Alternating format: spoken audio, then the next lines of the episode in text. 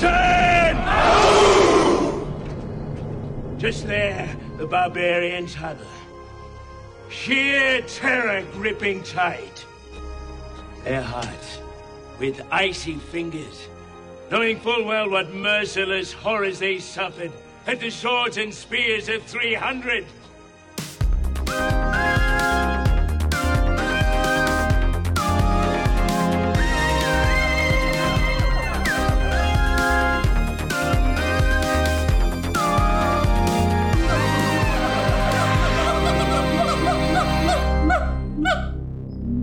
Välkommen till det femtionde avsnittet av podden Apans anatomi.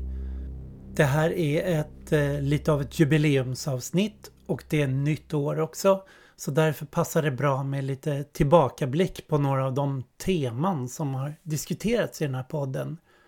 Jag tänker teman som rörelseuppsving och vänsterpopulism, relationen mellan rörelse och parti.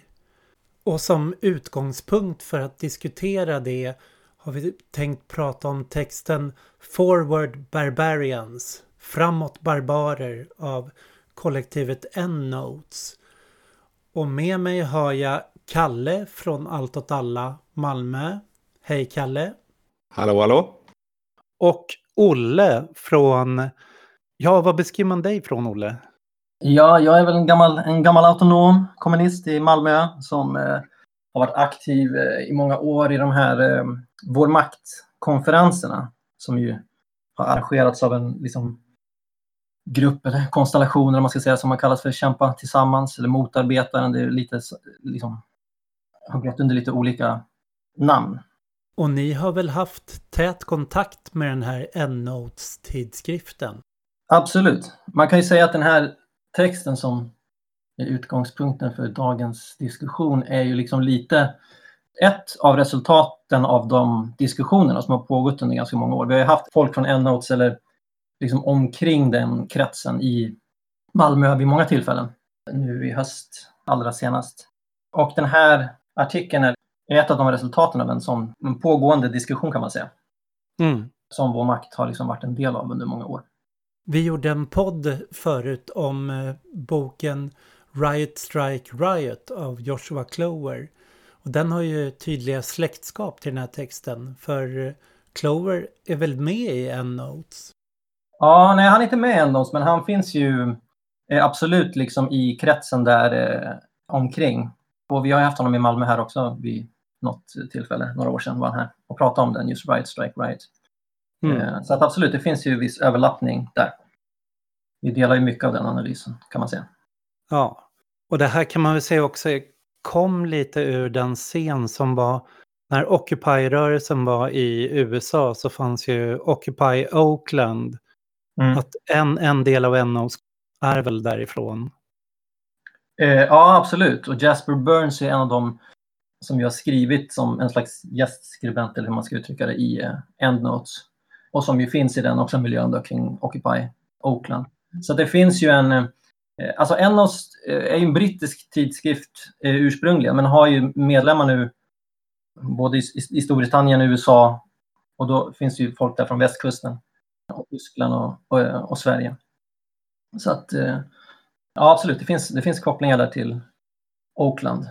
Gör det. På 90-talet så var den viktigaste tidningen för mig Aufheben mm. som kom från Brighton. Och som jag alltid sprang och köpte varje år.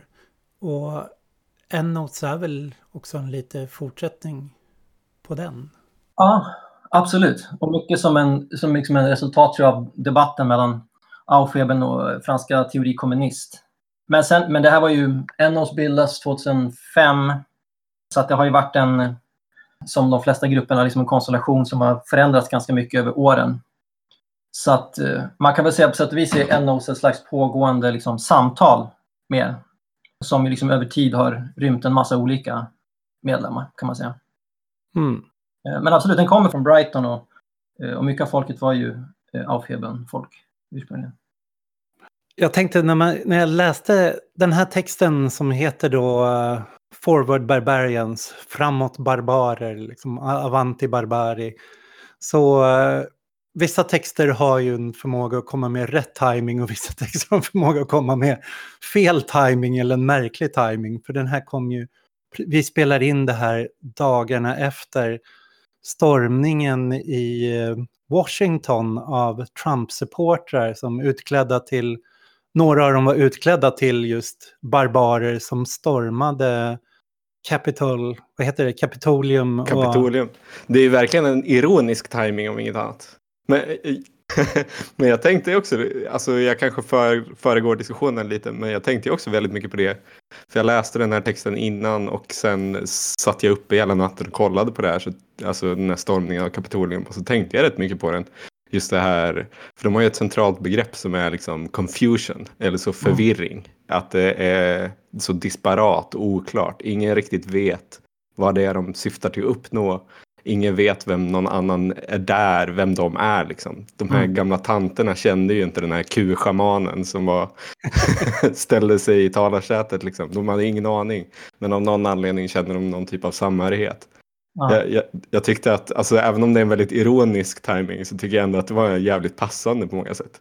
Absolut, och internet var ju liksom inte sena att lägga märke till det heller. Det har ju cirkulerat en massa roliga memes här med Onwards Barbarians och så den här bilden på den här schamanen i talarstolen där i, i kammaren. Så att, äh, absolut. Det är, men jag menar, det är ju det som äh, texten... Äh, texten handlar ju mycket om liksom den, om vår tids kaos. Mm. och, och, och stormningen av Kapitolium är ju liksom i allra högsta grad, skulle jag säga, precis ett uttryck för det som den här texten beskriver. Alltså ett slags mm sammanbrott liksom för politiken som vi genomlever nu. Så att, eh, ja, nej, men på så sätt var det ju en väldigt en tajmad stormning av Kapitolium. Och ett liknande exempel på sån här eh, missad timing, det är ju när Jacobin i maj släppte en artikel av David Broder som skrev en sågning av italienska Autonomia på 70-talet för Rise and Fall of Autonomia. Just för att eh, när Sanders-kampanjen hade förlorat eh, chansen att bli presidentkandidat så menade Jacobin att nu måste man tillbaka till eh, realpolitiken, inte gå baks till rörelse och gatorna. Att gatorna är en körd väg med, och då tog de detta historiska exempel. Och då två dagar senare så exploderade Black Lives Matter-rörelsen i USA som blev en av de största någonsin. Mm. Jag tror att det säger någonting också om, tror jag, för att ibland har man ju, eh, att man kan föreställa sig liksom ibland att det finns en, eh, Eh, och det kanske har varit sant historiskt, att man har liksom när man beskriver de här kampcyklerna, liksom, att man har vissa perioder som liksom, rörelsen är stark på gatan och sen så kan den här energin liksom kanaliseras eller rekupereras beroende på hur man ser på det in då liksom i parlamentariska rörelser. Men jag tycker att just den här, för jag reagerar på det också, den här NOS-artikeln där du beskriver att man anar liksom att kanske så är liksom den kopplingen på något sätt bruten. Att det liksom inte, att den här parlamentariska rörelsen, liksom, eller då vänsterpopulismen, eller hur man vill beskriva det, och liksom det som sker på gatan är inte riktigt längre liksom kommunicerande kärl längre, eller vad man ska säga på något sätt. För att eh, det blev så tydligt i det, i det sammanhanget liksom att man eh, på något sätt sörjde frånvaron av antagonism, eller vad man ska säga. Och sen så liksom dagarna senare så exploderar USA liksom mm. det som ju många beskrivit som liksom de största rörelserna i, i landets liksom, eh, historia. Så det vittnar om en slags liksom, disconnect där, tror jag. Mm. Jag, jag, jag, tror att det finns en generell liksom, disparans mellan eh, tyckandet och görandet på något sätt. Alltså jag tror att det sällan har varit så stort liksom, glapp mellan eh, strategerna och de som utför. Liksom. Och de, alltså, både vad gäller liksom, inom partipolitiken så Jacobin och deras liksom väldigt liksom socialdemokratiska läggning. Men också inom, liksom, alltså rent krasst, även inom liksom Endnotes och den miljön. Eh, så känns, upplever jag det som att eh, det är en stö ett större distans än det någonsin varit förr. Liksom. Mm. Absolut. Jag tror att man jag menar, det skulle man kunna argumentera för också. Eh, och den här artikeln är en, en, en, ett, liksom ett försök att, att förstå det. Hur, för att liksom, även den rörelsen som vi kommer ur, liksom den autonoma rörelsen, hänger ju på något sätt samman med också det som vi kallar för liksom rörelserna eller rörelsernas liksom epok. Som en typ av liksom opposition eller hur man vill tänka det då i liksom arbetarrörelsens historia.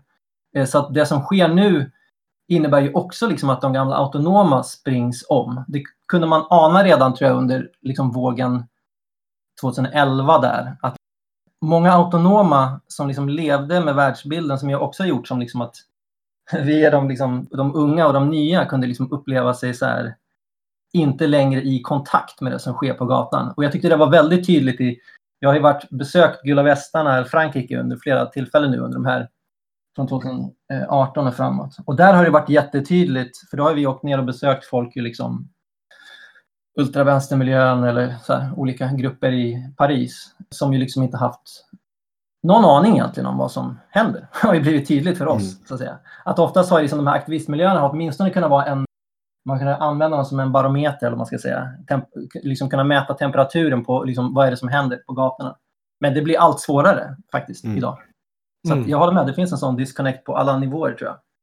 I den här podden har jag ju ägnat mycket tid med Erik, när de, de avsnitt vi gjorde och försöka förstå det här liksom relationen mellan rörelseuppsving och när det uppsvinget mattas av och hur partiinitiativ lanseras och sen när partiinitiativ havererar så kommer ny rörelse. Att det har framstått nästan som en pendelrörelse däremellan. Att uh, den ena har hela tiden försökt svara på den andres svaghet.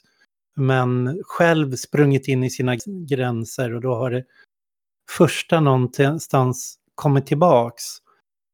En Notes den är ju lite mer, tar ett längre grepp. Den börjar ju 2008 med ekonomiska krisen och försöker förstå det rörelseuppsvinget ända fram till idag som en ackumulering av kamper. Mm. Hur ser ni på det, den föreställningen hos dem? Det har, jag tycker att det blir väldigt tydligt om man ser på, och det artikeln är ju liksom eh, sprinklad med diagram och här, statistik som försöker visa kurvor på den här liksom, utvecklingen av den här ackumulationen av kamper. Mm. Eh, som ju man kanske har haft en sån känsla, eh, åtminstone liksom kring de liksom, tiotalets sista år, eh, att liksom kamperna eskalerar påtagligt. Men att man sen finanskrisen har liksom sett år efter år de här tilltagande liksom, protesterna, upploppen eh, runt om i världen. Där liksom då, kan man säga de här allra sista åren är liksom en påtaglig liksom, eskalering. Vi har ju både haft liksom, eh, gula västarna i Frankrike, rörelsen i USA, Chile och på en massa platser. Och vi argumenterar ju för att liksom, man kan förstå det som egentligen en ny typ av epok som vi befinner oss nu. Vi befinner oss åtminstone på tröskeln till någonting nytt. Där vi behöver också liksom fundera kring liksom hur, ur den traditionen som vi kommer ur, liksom hur vi uppfattar rörelser överhuvudtaget. Och vi använder det här begreppet icke-rörelser för att försöka liksom förstå den dynamiken som utspelar sig nu. Och att det liksom markerar en typ av, ett brott egentligen i en typ av eh, kontinuitet. Så att den här liksom eskaleringen har, liksom, vad ska man säga, den här liksom kvantitativa liksom, utvecklingen har liksom, slår också över rent kvalitativt så att säga, i, i, där vi befinner oss nu. Jag tittade ju också på de där diagrammen och, och försökte liksom förstå. Alltså, det de visar upp är väl på något sätt relationen mellan liksom, eh, ekonomisk stagnation eh, eller stagnation av tillväxt snarare i relation till politisk legitimitet. Och, och jag, jag ser, alltså, jag håller väldigt mycket med om grundpremissen. Men jag ser också inte det här som en så väldigt jag, jag, ser inte den här väldigt naturliga progressionen för samtidigt så ser vi också till exempel att så, det har aldrig varit så högt valdeltagande som det var i USA i det senaste valet. Vare sig, alltså, oavsett vad man tycker och tänker om det. Liksom. Så, så tänker jag att det är ändå ett brott mot det, det resonemanget på något sätt som jag, som jag gärna hade velat få liksom, förklarat. Hur kan de två sakerna ske parallellt? Hur kan det var en sån enorm massa av indignerade som inte känner sig representerade i systemet. Men att samma människor, får man väl förmoda, liksom, ändå har någon viss tillit till den. Liksom.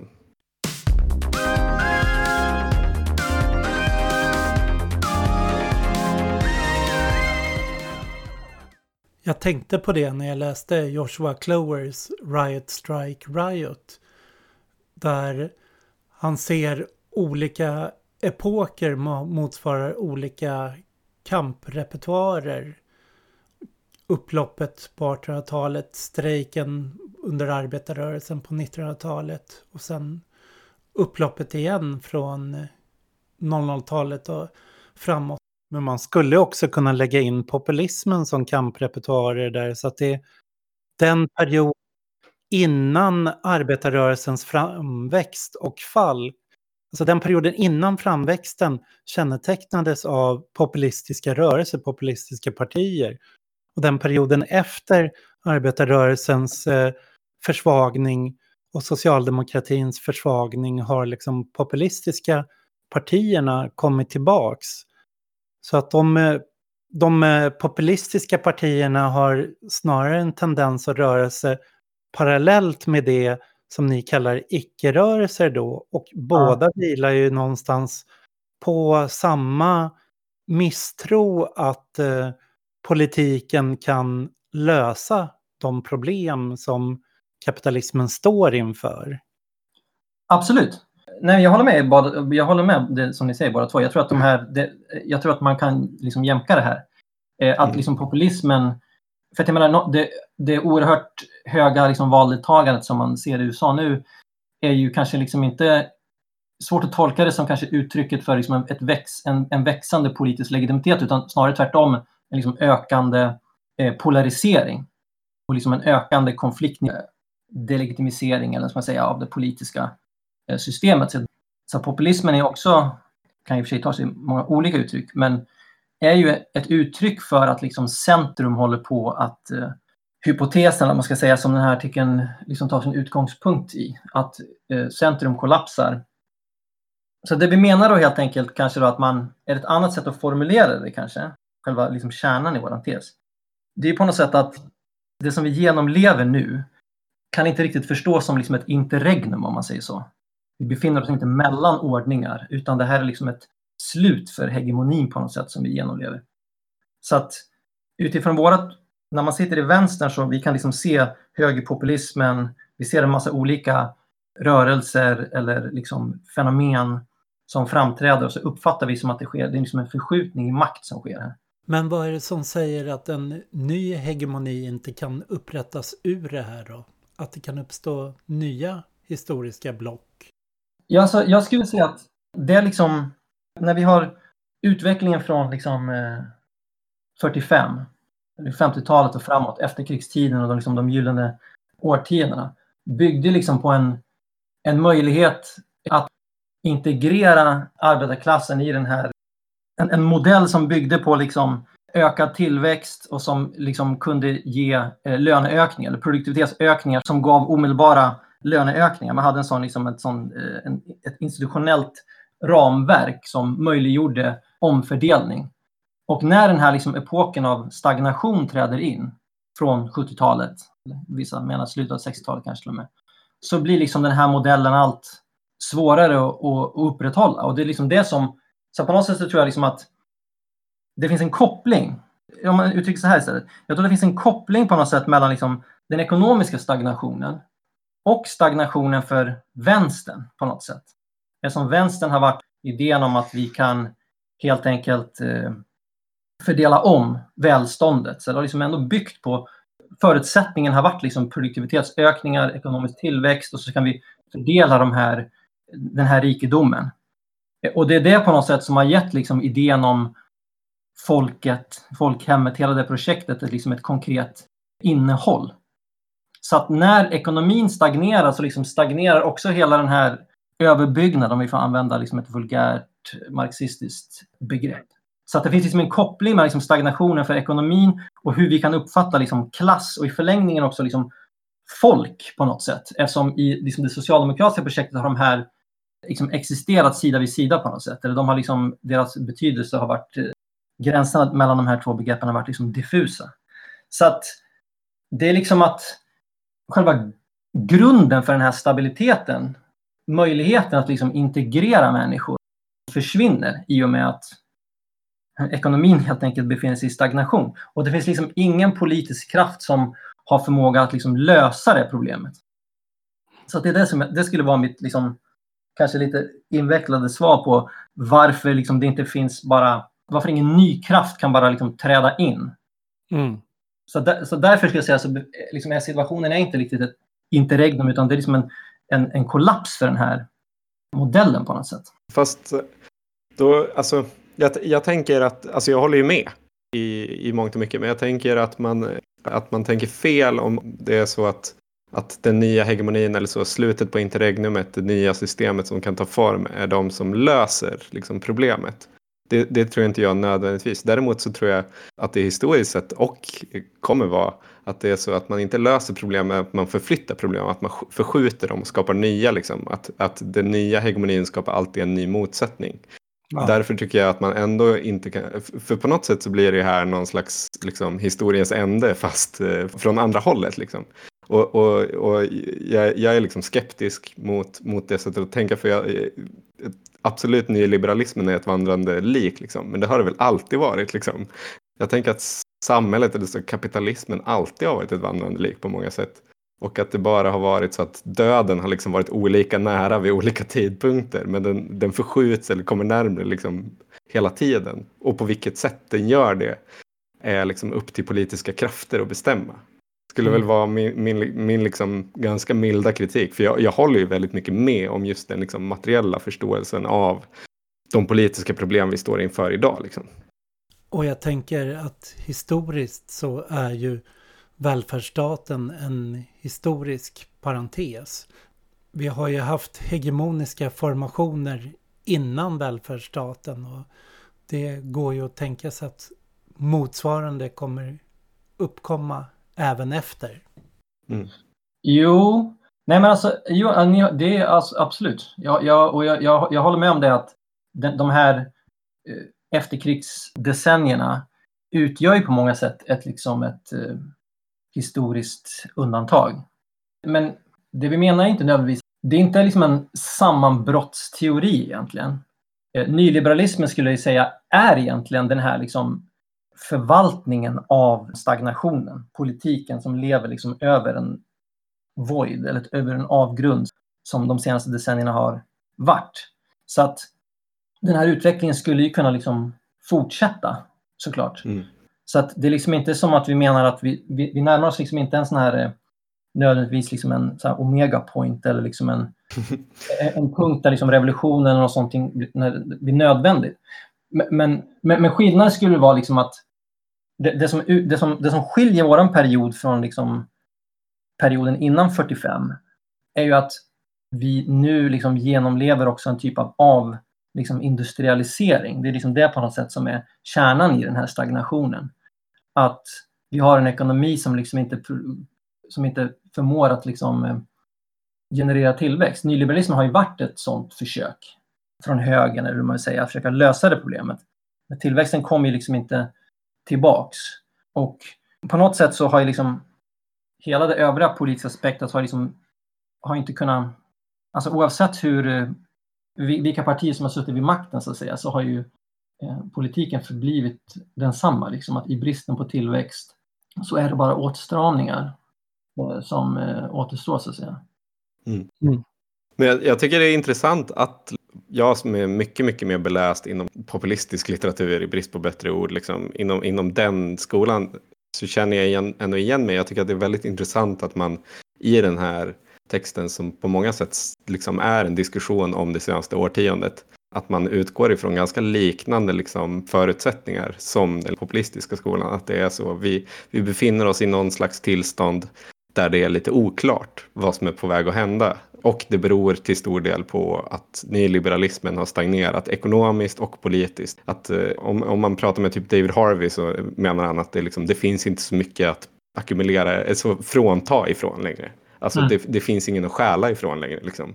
Mm. Eh, nyliberalismen har liksom rovdriftat tillräckligt. Det finns inte så mycket att ta längre. Och, så jag känner igen mig extremt mycket i det. Men, men det är också det som lite stör mig. Inte, inte med texten utan kanske med den här situationen vi befinner oss i. Det känns som att man sitter fast så himla mycket i post 2008. Liksom. Att det Mm. fortfarande är i de termerna vi diskuterar och att det, vi kommer ingen vart. För, från min horisont så stör jag mig ju kanske mer på de populistiska vänsterprojekten som misslyckades och som sen när de skulle utvärdera vad gick fel så var det så, nej men vi skulle bara gjort mer. Vi skulle bara populistat lite mer, vi skulle rättat oss i våra led lite mer. Mm. Och, och det störde mig så himla mycket. Och på samma sätt kan jag lite känna i den här texten just att så att det vi behöver är bara fler decentraliserade uppror som nätverkar ännu mer och som ackumulerar fler kamper. Liksom. Och det, på något sätt så är det tillståndet är så skräckinjagande för mig. Där vi inte har något vettigare att diskutera utan sitter fast i den begreppsapparaten på något sätt. På, på alla håll. Mm. Att det inte är kvalitativa förändringar av upproren som behövs utan bara kvantitativa. Att det gäller att multiplicera dem. Mm. Nej, men jag, jag, ni, ni, jag håller med om mycket av det ni säger. Men jag tror liksom att eh, våran ambitionen har ju varit så att säga att försöka förstå vad det är som är nytt i den här situationen, om man säger så. Mm. Där tror jag att, för folk har läst texten lite annorlunda. Eller liksom, Mm. vi- vissa, vissa tolkar texten så här pessimistiskt. Men jag skulle säga att det som är liksom fantastiskt i den här situationen som vi befinner oss i nu är ju på något sätt att små grupper, enskilda individer har liksom en möjlighet att liksom åstadkomma saker som hade varit svårt att föreställa sig för 30 år sedan. Liksom att en Greta kan sätta sig ner med liksom ett plakat och det har möjlighet att liksom generera de här liksom enorma, sätta de här enorma rörelserna, liksom de här enorma massorna i rörelse. Att den här tiden är ju på så sätt öppen Mm. på ett sätt som den liksom inte har varit tidigare. Så att jag tycker liksom att den här tiden på många sätt, jag är ju, mina politiska formativa år var ju liksom under globaliseringsrörelsen kring millennieskiftet och så vidare. Och jag tycker det som man ser nu är ju liksom så himla mycket, det går liksom inte att jämföra de, det som man ser i världen eh, idag mot det som man såg 2001. Liksom. Så att jag skulle säga att det här är en väldigt hoppfull tid också på många sätt. Även om det är liksom en kaotisk tid. Men vi menar liksom att om... Det handlar liksom också om att våga möta det här kaoset också på något sätt. Eh, Mm. och inte liksom försöka retirera, retirera in i våra... Ja. Vänstern har ju alla sina liksom snuttefiltar. Eller Det har vi alla liksom. Men att eh, det här är liksom ett försök att tänka om helt enkelt kring var vi befinner oss helt enkelt. I den här texten så i början av den så använder ni tre olika teoretiker någonstans för att summera olika sätt att se på rörelse. Och det ena är ju, eller en oss använder det här. Och det ena är Asef Bayat som han eh, kommer fram, eller han skrev ju om Egypten tror jag, om Mm. det här begreppet icke-rörelse, om, om man ska säga det som föregick hela arabiska våren, om eh, all den, eh, ja, de, vad ska man säga, lokala informella strukturer som föregick den. Mm. Och ett annat begrepp då som det Mm. en av oss kontrasterar icke-rörelse mot är ju rörelse. Och det är ju ett sånt här begrepp som du kan inte gå på ett vänstermöte eller ett politiskt möte överhuvudtaget utan att folk slänger ur sig det, men det definieras aldrig. Och Georgia Agamben han försökte ju spåra det där begreppet och kom ner till Carl Schmitt, den här, vad ska man säga, nazistiska radikalkonservativa juristen som teoretiserade kring vad, där han såg begreppet rörelse som en form av mediering mellan det politiska, mellan fyren, mellan ledaren så att säga, partiet och folket och att det behövde finnas ett kommunicerande, något medierande membran däremellan och det var det han definierade som rörelse. Så att begreppet icke-rörelse ställs då mot Schmitts rörelse och sen så har vi då Bardiga som eh, han första ledaren för italienska kommunistpartiet som sen avgick och eh, fortsatte utveckla en eh, vänsterkommunistisk teori under hela sitt liv som eh, skiljer på tre former som man kallar konformist, reformist och antiformistisk, ja, vad ska man säga, politik. Så jag tänkte de, de tre begreppen, om vi bara hoppar in, vad, vad har man för Mm. användning av dem? Ja, alltså Icke-rörelse, eller hur man nu vill eh, översätta det till svenska, är ju ett begrepp som är så väldigt eh, så här, oestetiskt, man säga, ett klumpigt så här, ett begrepp som de flesta liksom, intuitivt liksom, ogillar. Och inklusive jag själv. Det har inte samma, det är liksom inte klatschigt på samma sätt som eh, jag vet inte, multituden eller de subalterna. Eller ordet rörelse. ja, precis. Så att, och det är liksom lite medvetet så här, provokativt för att försöka tvinga fram en diskussion kring vad som liksom skiljer de här, det som vi ser nu från 1900-talet, om man säger så. Och eh, som du nämner var ju liksom Schmitts tes var ju liksom att rörelsen fungerade som ett typ av eh, en kontaktyta liksom mellan stat och eh, eh, Eh, befolkning. Att det var liksom ett sätt att eh, ge form på något sätt. Och det här liksom var en del av ett, liksom ett biopolitiskt projekt liksom under 1900-talet. Rörelsen behövdes för att ge staten den legitimitet som utövandet av makten krävde på något sätt. Och det här är ju liksom en rent... Så här, kapitalismen och Boltanski Chapelle har skrivit här liksom att kapitalismen har ett behov av liksom att kunna integrera kritik på något sätt. Kapitalismen har ju en märklig liksom förmåga av att kunna rekuperera protester och så vidare. Och icke-rörelserna liksom öppnar upp en ny liksom horisont här i någon mening. Eftersom man liksom inte är en... I och med att rörelsen liksom inte är organiserad. Bayat beskriver dem liksom som definitionen kanske av liksom Bayats definition av non-movement. Så, så collective action of dispersed and unorganized actors. Och liksom Gula västarna skulle kanske vara då ett sådant exempel. En rörelse som inte har ett tydligt ledarskap, som inte presenterar eh, tydliga krav, som inte har ett eh, positivt program. Medlemmar liksom vars handlande inte liksom enkelt så här, indexerar liksom tillbaka till en liksom plats i samhället. Gör de här rörelserna liksom svåra att liksom integrera på det här sättet som Schmidt tänker sig liksom rörelsens funktion. Och får då det här liksom destituerande elementet, för att prata med liksom Agamben igen de här rörelserna eh, bidrar inte till att säga, legitimera staten eller liksom politiken, utan tvärtom liksom verkar som ett slags undandragande, eller hur man vill uttrycka sig. Och, mm. och, och där ligger det, liksom deras potential också, på något sätt. Jag tänker det finns ju en lång forskningstradition kring rörelser och till exempel i Sverige brukar vi skilja på folkrörelser som kanske ligger närmare det här smitska sättet att se det, att det är just en sån här förankrande länk till politiken, till partiapparaten, till, till staten. Men sen har vi sociala rörelser som mer ligger nära icke-rörelser i formen, att det behöver inte vara organisationsstrukturer, medlemskap eller utan det är bara att det händer en massa saker åt, åt ett visst håll. Mm. Oavsett om det är alternativrörelsen, progrörelsen, fredsrörelsen, kvinnorörelsen. Det, det går ju inte riktigt att kvinnorörelsen, man kan inte lägga Carl Schmitts begrepp riktigt på den på det sättet.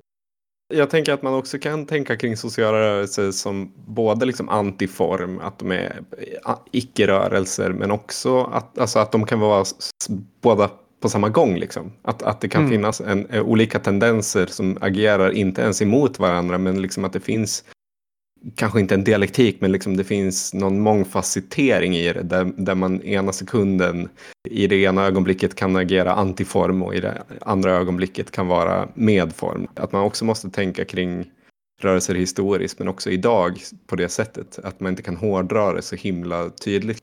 Nej men absolut, du har ju rätt i det. Det är en typologi också. Mm men absolut, och, men vi diskuterar också den möjligheten liksom att vi menar inte att det som vi ser nu är liksom en utveckling som kommer liksom med automatik leda framåt ett särskilt mål. Eh, och när vi diskuterar Bordigas, det här konform, reform, antiform, den här liksom tre, treenigheten, eh, så är ju det ett sätt att beskriva den här liksom hela tiden eh, balansgången som de här revolterna liksom går igenom och där de liksom riskerar hela tiden att liksom falla åt det ena eller andra. Vi har liksom beskrivit då demokratin och kriget som två liksom extremer, som två fallgropar så att säga, som de här revolterna riskerar att ta. Så att man kan ju se såklart liksom de här tendenserna. Och i de här revolterna så finns det ju också liksom ett politiskt språk som kommer från 1900-talet också. Och Gula västarna talar ju ofta i namn av folket och så vidare. Så att det finns ju liksom en massa av de här idéerna finns ju kvar. Vi hävdar bara liksom att förutsättningarna för liksom att skapa ett nytt hegemoniskt projekt på det sättet är liksom inte, finns inte kvar. Att det på något mm. sätt är mer situationen som är revolutionär än aktören om man säger så. Vi pratar om liksom, de här revolterna liksom en slags produktioner av revolutionärer utan revolution. Så det, det, är liksom bara mm. horisonten som öppnas. Så vi, vi vill, det vi menar är liksom inte att så här, det här icke-rörelserna är liksom bara det, ett nytt namn på det som vi under 1900-talet kallade för rörelser som hade en slags uppgift på något sätt. En historisk uppgift som man full, fullföljde eller någonting i den stilen.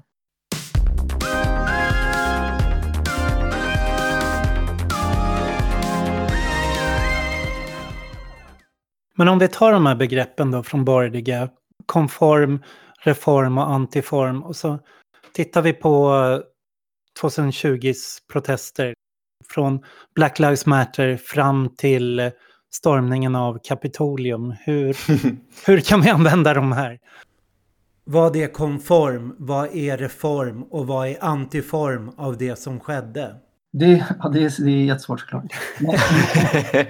och kolla så här, identifiera enskilda. Men jag tror att till exempel, det är ett annat argument som, som vi gör, är liksom att i samband med att det här, vad ska man säga, det gamla liksom klassubjektet fragmenterar, så tenderar de här icke-rörelserna, deras uttryck blir liksom identitetspolitiska, eller vad vi uppfattar som identitetspolitiska. Mm. Så där har vi, liksom, vissa uppfattar den här liksom, artikeln då som en, eh, ett, liksom ett hyllande av identitetspolitiken, andra uppfattar det som en kritik av identitetspolitiken. Vi försöker bara liksom hävda att identitet är idag den liksom, modalitet inom vilken klass levs, om man kan uttrycka sig så. Alltså den, det är liksom inte en position egentligen, utan den terrängen som vi rör oss på. Så att mm. Mm. Det, man, man, kan inte säga att det är så här, antingen att identitetspolitik per definition är konformt eller så att säga antiformt, utan det finns liksom potentialen, identitetspolitiken har liksom den begränsningen som gör att i vissa situationer så kan identitetspolitiken få en typ av polisiär, eller vad man ska säga, funktion i den meningen att den bekräftar segmenteringen av proletariatet. Men i praktiken, i Black Lives Matter, så menar vi att vi ser tvärtom är liksom ett överskridande, en, en confusion av de här olika liksom, partikulära, de här, fragment, de här olika fragmenten som är klassen idag. Men i och med att liksom, våran tid inte möjliggör rekomposition, liksom, eller en, en ny liksom, hegemonisk ordning, så kommer liksom alla de här försöken att återupprätta ordningen att liksom bidra till anarkin. Så att, och det är det som Bordigas, den här då konform, reform, antiform, är liksom ett sätt att istället för att prata om så konservativa socialister, liberaler och liksom anta att vi vet vad de termerna betyder så att säga, försöka liksom analysera själva liksom utvecklingen. Vad får de här handlingarna för konsekvenser rent praktiskt? Vi kanske ska definiera lite med vad, vad menas då med konform, reform, antiform? Alltså egentligen är det ju ganska, som det låter, alltså en konform rörelse, liksom en rörelse som har som syfte att liksom bevara, upprätthålla ordningen. En mm. antiform rörelse, liksom motsatsen. Mark, vi, och vi använder det här liksom Marx begreppspar, så här, ordningens och anarkins parti. Och kaoset i våran tid liksom menar vi uttrycks genom att idag så även grupper som hävdar att deras syfte är att liksom upprätthålla ordning, liksom trygghet och tradition som Sverigedemokraterna uttrycker sig, lyckas bara så skapa mer motsättningar, mer liksom konflikt. Och stormningen av Kapitolium är liksom ett perfekt exempel på det. Hur liksom den konservativa rörelsen, inom situationstecken, lyckas skapa ett, liksom ett kaos i USA som vi liksom inte har sett på ett, på ett århundrade, som inte ens är 1900-talet. Man måste gå tillbaka till 1800-talet för att hitta liksom motsvarigheter. Så det talar liksom till, det är ett uttryck för den här anarkin som är våran tid helt enkelt. Och det är det som den här, som det här begreppstriaden kan liksom hjälpa, kan vara en del i den analysen, försöka förstå så här, vad, vad, vad det är som händer helt enkelt. Inte nödvändigtvis vad liksom olika grupper påstår. Kan man säga då att Sanders-kampanjen eh, och delar av Black Lives Matter kan man säga var en, en reform rörelse eller reformrevolt på ett sätt som tippade över till att bli antiform i vissa former Absolut. i den här revolten. Medan hos Trump har vi en konform rörelse som Ja. stormningen av Kapitolium blev antiform. Verkligen. Ja, Jag skulle säga exakt det. Och det har ju varit kritiken av, alltså det finns en, och vi säger också någonstans att det enda som är liksom värre än identitetspolitiken är kritiken av identitetspolitiken. Att det finns en, liksom, det är en, en liten så klassisk ibland så här, det är, liksom, det är lätt att typ avfärda identitetspolitiken med typ argument som att så här, men det här är väl liksom bara liksom liberala krav och så här. Och vi hävdar att absolut, det finns ju jättemycket i de kraven som Black Lives Matter för fram som är liksom ganska klassiska liberala krav på många sätt. Men konsekvenserna när man, av att ställa de här kraven kan fortfarande bli de här liksom oerhörda konfrontationerna. Så att när man analyserar rörelser så måste man liksom det räcker inte att bara ta dem på orden så att säga, utan vi måste kunna liksom förstå vad är förutsättningarna under de här omständigheterna att liksom driva igenom de här kraven. Jag tycker faktiskt det här var en briljant passage i den här texten. Att det sättet att närma sig identitetspolitik, att säga dels eh, sättet att se att eh, identitet kanske är den form, när klassen är så fragmentiserad som det är idag, så kommer vi att uppleva klassen genom andra former. Vi kommer uppleva det klass genom ålder, genom hudfärg, genom kön, genom en rad olika fragmentiserade. Så att eh, det finns liksom en klassdimension i det här. Mm. Men också hur de här kraven som du precis sa, liksom ofta är rätt liberala, att det handlar om att kräva representation, kräva rättigheter, kräva vissa former av erkännande. Men när de väl försöks att artikuleras, går ut på gatorna på det sättet så, så uppstår kopplingar, allianser, att de själva spränger sina identitetspolitiska och Mm. liberala gränser. Så att istället för att liksom bekämpa det här eller kritisera, det var ju så himla många inom vänster som bara sågade det här Black Lives Matter-rörelsen Mm. med fotknölarna att ja, men det här är bara Vogue Capital i bakgrunden och det här är bara liberala krav och det är inte alls så radikalt som Sanders istället för att se att ja, men den här är den största massrörelsen, det leder till en massa erfarenheter i självorganisering och att det är inte en svart identitetsrörelse alltså, utan majoriteten av de som deltog i de här liksom Black Lives Matter-protesterna och antisnut-protesterna var, var vita. Absolut. Och det talar ju precis till den här liksom en sån confusion som vi pratar om. Liksom. Och där tror jag att, och det är det som är liksom poängen här, att istället för att, vilket tenderar ibland med min uppfattning var att tendensen att man drar sig tillbaks och man liksom kritiserar. Och vi menar ju liksom att även om den här tiden är liksom skrämmande och kaotisk så finns delar av det här kaoset som vi ändå måste vara, liksom kunna, om inte bejaka, så vi ska inte vara rädda för att ge oss in i de här situationerna som inte är helt enkla liksom, att läsa. Att det finns en tendens att försöka vänta på liksom, en ren revolt. Och Black Lives Matter och Gula Västarna också är liksom inte rena revolter.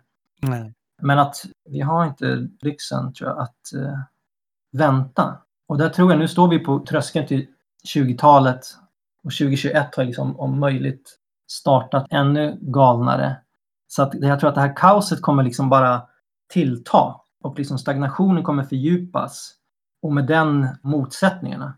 Så att kommunister på något sätt måste vara, tror jag, måste förbereda sig på det på något sätt. Mm. Och liksom våga ge sig in helt enkelt. Men jag, jag tänker att jag håller helt med om, om den liksom tendensen om antirörelsen och, och den destituerade makten och det liksom decentraliserade ledarlösa upproret. Liksom. Jag, jag ser den tendensen verkligen. Men, men jag tycker också att man de senaste tio åren kan se, liksom, inte en motsatt tendens, men liksom en annan som pekar åt ett helt annat håll. Och det, jag tycker att det, det finns en spännande dynamik emellan dem. För det finns ju mängder av exempel som inte nämns i den här artikeln, som, som till exempel vänstervågen i Storbritannien exempelvis. Som började med stora kravaller i Londons förorter och studentprotester helt ledarlöst och, och som sen går över i ett socialdemokratiskt arbetarparti. Liksom. Som sen, alltså, det är en helt annan utveckling. på grund av historiska lokala kontexter och liksom strategiska beslut fattade av de som var där. Mm. Men som när den förlorade så tänkte alla nu kommer vi återgå till antiform. Vi kommer återgå till de här upproren som vi ser i resten av världen. Vilket vi till viss del gjorde när de rev ner statyer. Alltså Black Lives Matter blev även en grej där. Men eh, som jag upplever det så är den utveckling som sker i Storbritannien idag är snarare en utveckling mot den utveckling man även sett i Spanien med så municipalistiska projekt, så lokalpolitiska, väldigt liksom, mm. många hade nog kallat det reform liksom. Och jag, jag, tycker att det är en spännande dynamik som har pågått de här senaste tio åren där de här två världarna riktigt gifts någonstans men att, att de utvecklas parallellt och att det, båda lite står och stampar på något sätt. mm. Jag hade en liten annan invändning på det här och det är synen med confusion, den här förvirringen då som uppstår. Den har ju varit så tydlig och jag tänker så här om man tar eh, globaliseringsrörelsen då fanns det fortfarande en stark autonom rörelse, det fanns en stark vänster. Så när rörelseuppsvinget kunde komma då kanaliserades den mycket genom de autonoma och genom attack och sådana organisationer som kunde vara kanaler, det kunde vara organiserade convergence center, samlingsplatser, medierna. De stod mycket för att ge det här en kontinuerlig form. Mm. Och sen precis som du sa Olle, när krisprotesterna kom 2011 sprang de lite efter. Att de fanns där men de var en aktör bland många och inte alls den som gav, gav röst åt det här utan snarare var bredvid och försökte komma in i det här.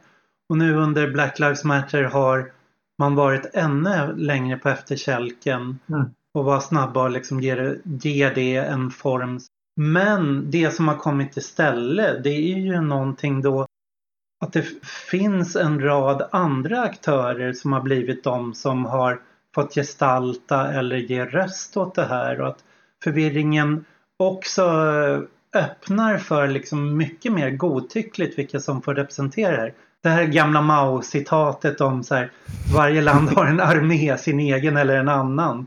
Det är liksom varje form av rörelse eller icke-rörelse har en form av representation, sin egen eller någon annans.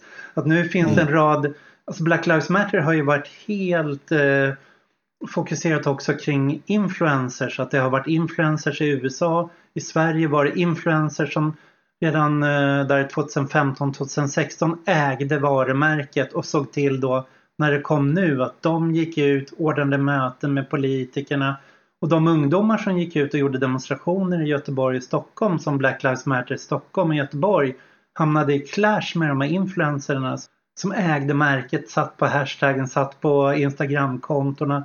Mm. Så att mm. eh, det är inte längre autonoma organisationer eller trottorganisationer som är de snabbaste utan det är den som är först att ta en hashtag eller först att ta ett Instagramkonto eller först att göra Facebookgruppen som sen eh, kommer säga sig eh, äga eller representera den här rörelsen och också fånga. Så att det, det hindrar ju inte liksom icke-rörelsen så att säga från att explodera men det kan ju som Black Lives Matter i Sverige faktiskt kväva en hel mm. del. Mm. Att det, det blir de här helt godtyckliga individerna som sitter där. Så här. Det hade varit mycket bättre om det var en här, svart autonom grupp i sådana fall som suttit mm. på det kontot. Som det faktiskt var med senaste uppsvinget i Sverige som var ja, men med de här kämpa demonstrationerna, demonstrationer mot eh, rasistiskt våld, mot eh, REVA-kontroller fram till Refugees Welcome där Autonoma och Fi faktiskt var de, så här, Allt åt alla och Fi var de krafter som kom att kanalisera mycket av det här. Megafonen och pantrarna och så. Och när, när de här har försvagats så de revoltvågor som har kommit efter har snarare blivit kortvariga eller mer lättkuppade av influencers. Mm. Ja, precis, precis. Risken är att man får en sån här schamanviking som men jag tror att alltså, det du säger på conversion of struggles, liksom, att man skulle kunna mm. beskriva mm. det som en, liksom en kanske då, någonting som skiljer våran liksom, perioden vi befinner oss i nu mot globaliseringsrörelsen, att man liksom hade en att convergence of struggles var det som var ett bra sätt att beskriva hur den rörelsen liksom fungerade. Medan liksom, vi idag mer ser en confusion of struggles snarare än en conversion of struggles. Och på, jag tycker att i Frankrike kan, kan man också liksom se från 2016 lite grann hur den här rörelsen mot liksom en confusion har utvecklats över tid. Att man hade 2016 när de här rörelsen mot eh, reform av eh, loi travail, arbetsrätten, så hade man ju liksom arbetarrörelsen, de gamla organisationerna som liksom mobiliserade stora demonstrationer. Frankrike har ju den här traditionen av liksom stora enhetsmanifestationer på första maj och så vidare. Alla går i samma demonstrationer. Och arbetarrörelsens gamla organisationer liksom håller täten med demonstrationer. Men under, de här, liksom under vågen av protester mot arbetsmarknadslagarna så fick man det här, liksom det, ett fenomen som man kallar för cortège de tête. Alltså att olika grupper bara tar täten av demonstrationen. Mm. Mm. Och det var liksom en tendens man kunde se liksom under här, de här åren hur liksom arbetarrörelsens gamla organisationer började liksom förlora kontrollen över demonstrationerna. Och man fick liksom i fronten av demonstrationer stora svarta block i praktiken, liksom, eller olika disparata grupper som drog samman och konfronterade polisen och så vidare. Medan gula västarna har liksom, med den rörelsen, Kortesitet var liksom knuten ändå till, det var ju liksom i det utrymmet som arbetarrörelsen skapat som man kunde liksom agera. Så att arbetarrörelsen satte liksom ändå rytmen på något sätt. Och där tror jag liksom globaliseringsrörelsen kanske kan jämföras på det sättet att man hade liksom där var det fortfarande så här organiserade grupper som utgjorde liksom en typ av opposition i arbetarrörelsen som kom samman i egenskap av liksom oppositionella grupper på något sätt. Alla från sin, sin del av samhället. Medan gula västarna representerar liksom en slags generalisering av Cortés de Tet. Att man har eh, manifestationer men där arbetarrörelsen inte längre finns närvarande. Det kan man ju se väldigt liksom, tydligt i hur om 1900-talet och liksom rörelsens epok var liksom demonstrationer med en front med paroller och krav som gick från en plats till en annan så har ju liksom då Gula västarnas manifestationer snarare då liknat den tidiga franska syndikalismens så här oregerliga, bara stora samlingar. Mm. Som liksom tar en plats i staden, man går inte till någon särskild plats, man är liksom inte dialogpolitiken i någon mening. Osbajaf med det här med icke-rörelse så någonstans han utgår ju lite från de så här informella kollektiven. Så kämpat tillsammans i Malmö bakom vår maktkonferensen de brukade prata om ansiktslös motstånd. Men att det var...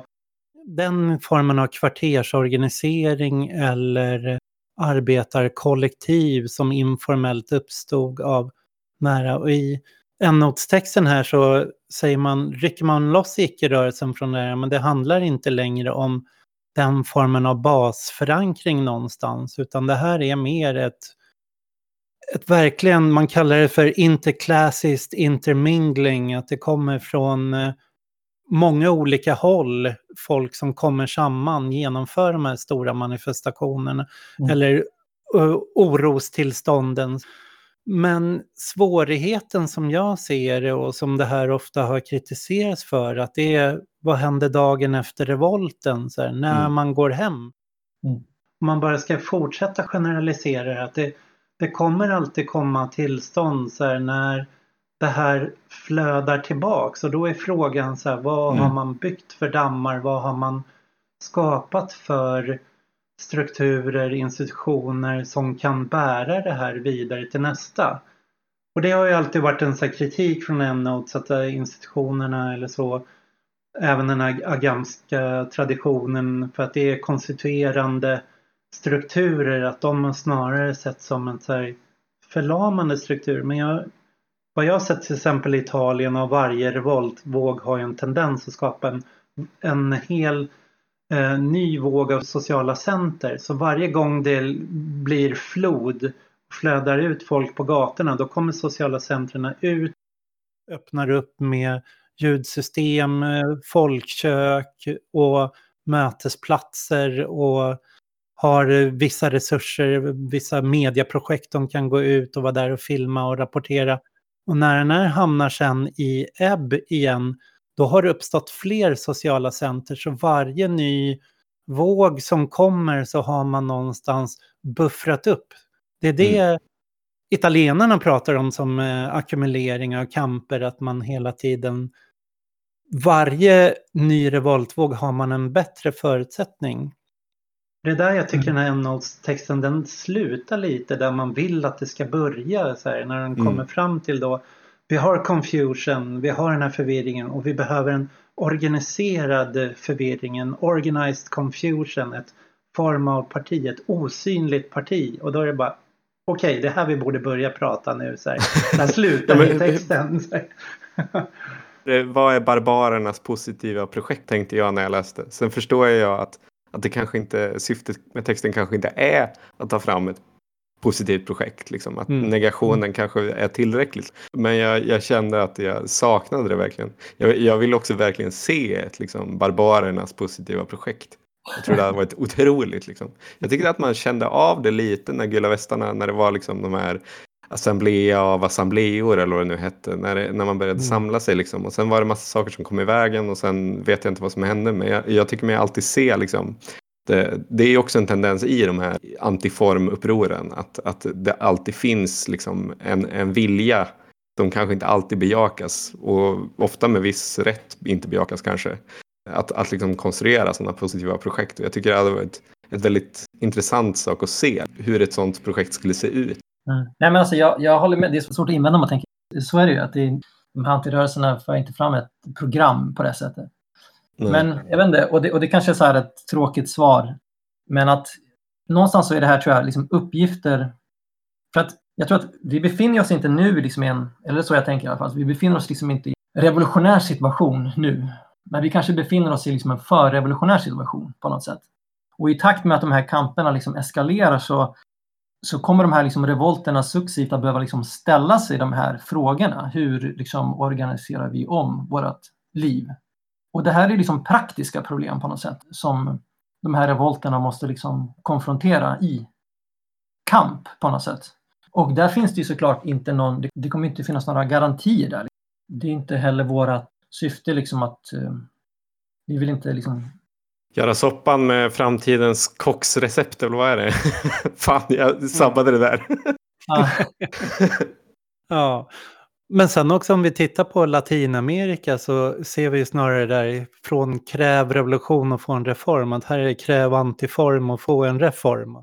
Mm. I Bolivia har vi fått eh, Morales eh, sida tillbaka till makten igen. I Chile har vi, där det var, har varit de värsta konfrontationerna, har vi fått eh, konstitutionen har ändrats och i Argentina har vi fått den här eh, nya abortlagen som har genomförts. Så att eh, det har kommit eh, flera reformer ur, ur den här antiform eh, icke-rörelsen.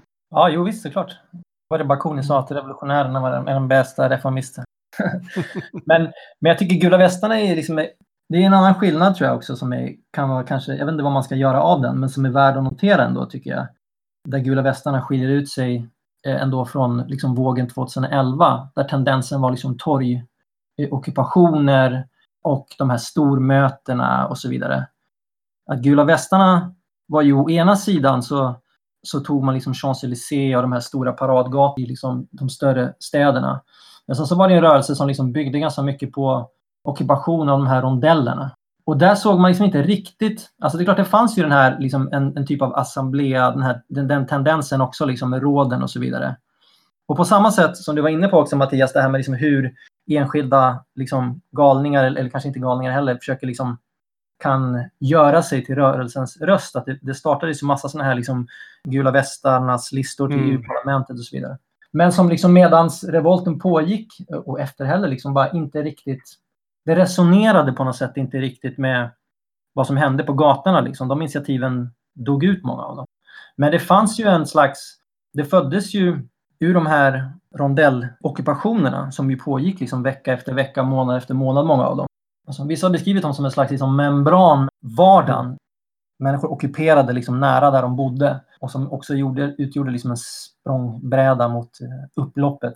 Att det liksom uppstod olika typer av sådana organisatoriska liksom, initiativ som skilde sig lite grann från den här mer 2011 som mer var liksom, vad ska man säga, som i många av de rörelserna fastnade lite grann i de här stormötena och så vidare.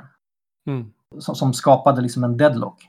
Och alla som har varit på stormöten, alltså det är liksom inte i längden så Det tenderar ju också liksom att så här, att, så här galningar som står och skriker i megafon. Alla blir Q-schamanen. Ja, precis. Det är en typ av, det kan bli vänstermotsvarigheten kanske till Q-schaman. Jag ser verkligen också fram emot liksom ett nytt årtionde och, och jag tror verkligen att de här, det jag pratade om innan, liksom att, vi, att det känns som att man står och stampar lite, att alla står och stampar. Jag tror verkligen att, att vi, precis som Endnotes också skriver, att, att vi kommer nå en viss gräns någon gång. Sen får vi se om det är detta årtiondet eller inte. Antingen så är gränsen på grund av liksom materiella omständigheter, tillväxten sjunker tillräckligt och att upproren ackumuleras tillräckligt eller så kommer gränsen av något annat. Men det känns verkligen som att vi är på väg mot någonting. Och det kommer vara väldigt spännande att se just när de här erfarenheterna från liksom den tiden som har varit sedan 2011, när de tvingas mötas, vad som händer då när liksom socialdemokratiska farbröder måste möta gula västar och anarkister från Chile. Vad har de att säga till varandra? Jag tror det kommer vara väldigt spännande och jag tror att man kommer känna mycket mer hopp inför ett reellt, verkligt projekt än, än det stampande som vi sysslat med, eller sysslar med just nu känns det som. Och att den rörelse som eller de rörelser som liksom tar fart just nu känns verkligen som att de har tagit, tar vissa av de erfarenheterna från alla de här hållen. Och eh, att jag, jag känner ett enormt hopp inför det här kommande årtiondet verkligen. Mm, det var ju po positiva sista ord. Nej, men jag, jag, jag instämmer. Alltså, jag tror att eh, det finns större anledning till optimism nu än på, på länge. tror jag. Sen, vi har inte riktigt hunnit beröra det, men det är ju liksom en konstig... När man befinner sig i Sverige nu så är det ju liksom revolten har inte riktigt nått eh, hit, om man säger så. Så det finns ju en konstig, liksom, det, det är konstigt att diskutera det här. det blir lite som att prata om vilket fotbollslag hejar du på liksom? ja, precis. precis. Men jag tror liksom ändå att här, jämfört med hur situationen såg ut för tio år sedan, liksom när Osynliga kommittén skrev sitt mm. kommande uppror, så tror jag liksom att det vi ser nu, vi befinner oss mitt i de här upproren. Och jag tror liksom att kommunisters uppgift är att liksom ge sig in helt enkelt. Mm. Hänge sig. Ja, vi får tacka för att ni var med. Jag kan väl bara avsluta det med meningen om att det är, det är en eh, stor förvirring av icke-rörelser under himlen. Att eh, situationen för ett osynligt parti är utmärkt. Tack så mycket.